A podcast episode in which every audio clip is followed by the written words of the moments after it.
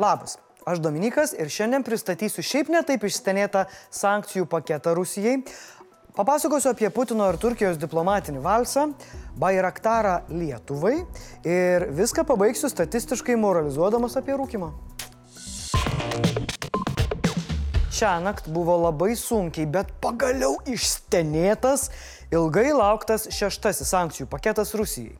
ES lyderiams visgi pavyko rasti kompromisą su Vengrija ir paskelbti rusiškos naftos embargą.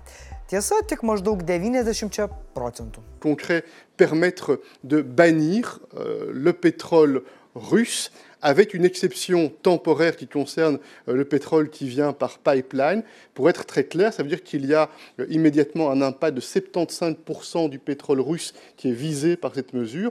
Et cela veut donc dire qu'avant la fin de l'année, euh, près de 90% du pétrole russe qui est importé sur le plan européen sera visé par cette mesure.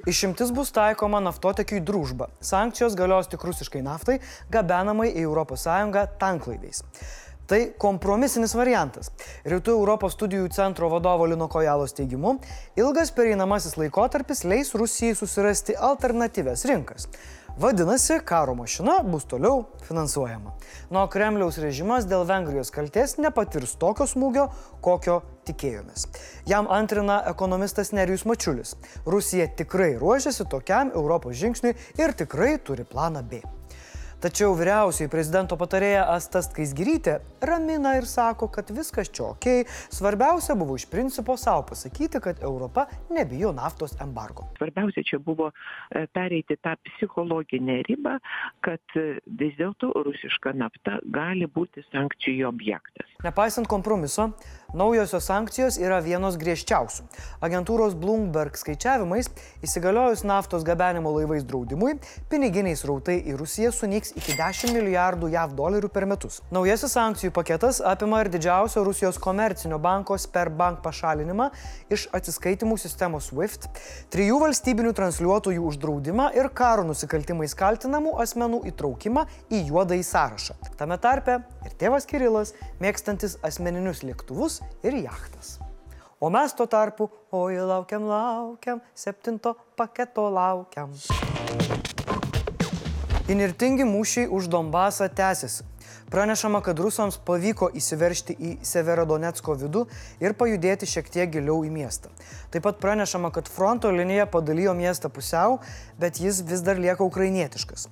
Mieste nėra ryšio ir elektros. Manoma, kad ten liko apie 12-13 tūkstančių gyventojų. Dėl okupantų jau žuvo apie 1500 gyventojų. Tikėtina, kad žuvusiųjų skaičius auks, nes civilių evakuoti nebeįmanoma. O Turkijos prezidentas Redžepas Taipas Erdoanas telefonu kalbėdamas su Volodymyru Zelenskiu pareiškė vertinantis saugaus jūrų kelio iš Ukrainos uostų užtikrinimo idėją. Erdoanas sutiktų Stambulė įkurti stebėjimo mechanizmą tarp Kyivo, Maskvos ir jungtinių tautų. Ukrainos uostų blokadą Turkijos vadovas aptarė ir su Putinu. Pasak Kremliaus, Rusija sutiktų užtikrinti netrukdomą grūdų eksportą, jei tai koordinuotų Turkija. Kažkokį jie čia keistą šokį šoka. Bet gal tas šokis bus pergalingas. Pažiūrėsim. Rusijos krokodilas Sergejus Lavrovas kitą savaitę lankysis Turkijoje, kur ves dėrybas dėl grūdų eksporto iš Ukrainos atblokinimo. Tiesa, okupuotos Ukrainos dalies uostai jau yra atviri laivams plaukiantiems į Rusiją. Iš laikinai okupuoto Mariupolio išplaukė pirmas krovininis laivas nuo invazijos pradžios.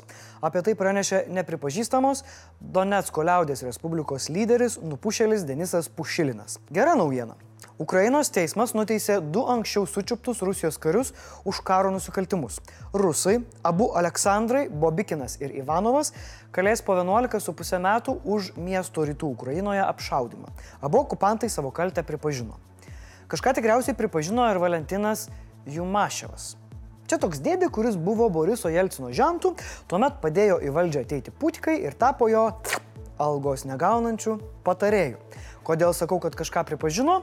Nes pasirodė naujienos, kad Jumaševas savo postą apleido. Vis dar tikiuosi, kad putika pasimirė. Surinkom mes tuos 5 milijonus bairaktarui, išsiuntėm krašto apsaugos viceministrą Vilių Semešką į Turkiją tartis dėl drono pirkimo. Krašto apsaugos ministerija pagalvojo, pagalvojo ir sako, ai, tai ir savo tuo pačiu užsipirksim. Ministras Arvidas Anušauskas prasitarė, kad svarstant naujus karinių įsigijimų planus į juos gali patekti ir Bayraktar. Bayraktar. Kovinių dronų įsigijimas taip yra planuose. Ir e, gali būti, kad bus ir Bayraktar. Pasak Anušausko, Lietuva karinių įsigijimų planus reguliariai atnaujina pagal Ukrainos karo pamokas. Ir kaip matome, tiek Bayraktarai, tiek kiti koviniai dronai ten atlieka milžinišką darbą. Beje, Semeška su drono gamintojais planuoja susitikti poryt. Tikimasi, kad iki vasaros pabaigos legendinis Bayraktaras jau stos ginti Ukrainos žemės. Tikimės ir mes. Bet Bayraktarai dabar ne vienintelis prioritetas. Per penkerius metus Lietuva karinio mobilumo projektams ketina išleisti apie pusę milijardo eurų. Karinis mobilumas tai kelių, geležinkelių, oro uostų ir jūrų uostų tobulinimas, kad sąjungininkai ten galėtų patogiai judėti visomis kryptimis. Ministrai pabrėžia, kad šios investicijos reikalingos ne tik karių, bet ir gyventojų patogumui. Šiemet Lietuva iš ES jau ragavusi 73 milijonus kariniam mobilumui vystyti. Ai, o jeigu reikia pavadinimo Bairaktarui, tai štai keli iš jūsų vakar pasiūlytų. Galit komentaruose nubalsuot, kuris iš jų atrodo geriausias. O aš gavau asmeninę žinutę, asmeninį pasiūlymą iš vieno vyriškio. Manau, reikėtų pavadinti Oršos mūšio laimėtojo Konstantino Ostrogiškio vardu, Lietuvos didžiojo etmono, kuris beje buvo ukrainietis ir didžiausias Maskvos kunigaikštystės galvos skausmas. Pataip rimtai žmonės atsako į mano klausimus. Labai džiaugiuosi. Ačiū, Vaidotai. Tabakas žudo. Ir ne tik mūsų asmeniškai, bet kalbu ir apie mūsų planetą Žemę. Tabako pramonė kelia daug didesnę grėsmę, ji yra viena didžiausių pasaulio teršėjų - nuo kalnų atliekų iki globalinio atšilimo. Taigi dabar prie kasmet nuo tabako sukeliamų sveikatos problemų mirštančių 8 milijonų žmonių galime pridėti dar daugiau aukų. Kasmet dėl cigarečių nukertama 600 milijonų medžių. Į orą paleidžiama 84 milijonai tonų CO2, o cigarečių gamybai išvaistoma net 22 milijardai tonų vandens. Be to, tabako gaminiai yra dažniausiai sutinkama šiukšlė. Juose yra daugiau nei 7000 toksiškų cheminių medžiagų patenkančių į aplinką. Tai ką daryti? PSO ragina politikus apsvarstyti galimybę iš vis uždrausti cigarečių filtrus dėl žalingo jų poveikio aplinkai. Be to, kol kas mokesčių mokėtojai visame pasaulyje padengė didelės tabako pramonės netvarkos išvalymo išlaidas. PSO sako, gal verta čia įvesti teršėjas susimoka principą. Tai yra naujus mokesčius tabako pramoniai. O Lietuvoje tabako vartojimas išlieka stabilus, tačiau visiškai trendina elektroninės cigaretės. Bėda, kad tarp mokinių. Pagal tai mes net lenkiame Europos vidurkį. Liūdnoka.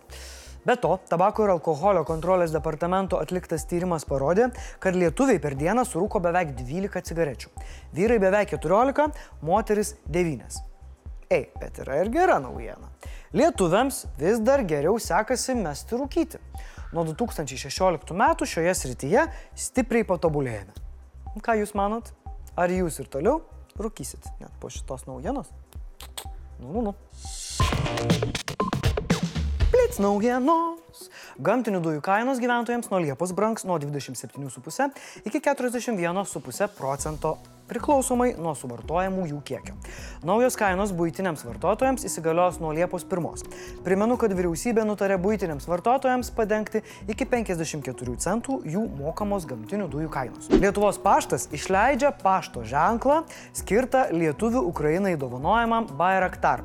Pašto ženklą jau kitą savaitę bus galima įsigyti visuose didžiųjų miestų pašto skyriuose ir Lietuvos pašto elektroninėje parduotuvėje. Pusė sumos bus skiriama Blue Yellow. Vilniuje atidarytas penktą kartą sostinėje rengiamas Baltic Pride festivalis. Į miestą išrėdėjo spalvotais balionais ir LGBTQ plus atributika papuoštas vaivorykštės autobusas. Festivalio renginiais norima priminti žmonėms, kad LGBT problemos yra svarbios ir LGBT žmonių matomumas yra taip pat labai svarbus. Šeštadienį renginių ciklą baigs eitynės už lygybę ir taiką ir koncertas prie Balto tilto, kuriame aš ir pats koncertuosiu. O penktadienį rengsiu savo vakarėlėje paviljonę. Užsukite, atleisime savo už visas nuodėmes, kurias padarėme šią savaitę ir kurias padarysime dar ateinantį savaitgalį. Primenu dėl rūkimo, nu, nu, nu, ir primenu, kad išrinktumėte Bairaktaro pavadinimą. Ir mėlyjei, pasisaugokite į miestą atjojo naujas kaubojus.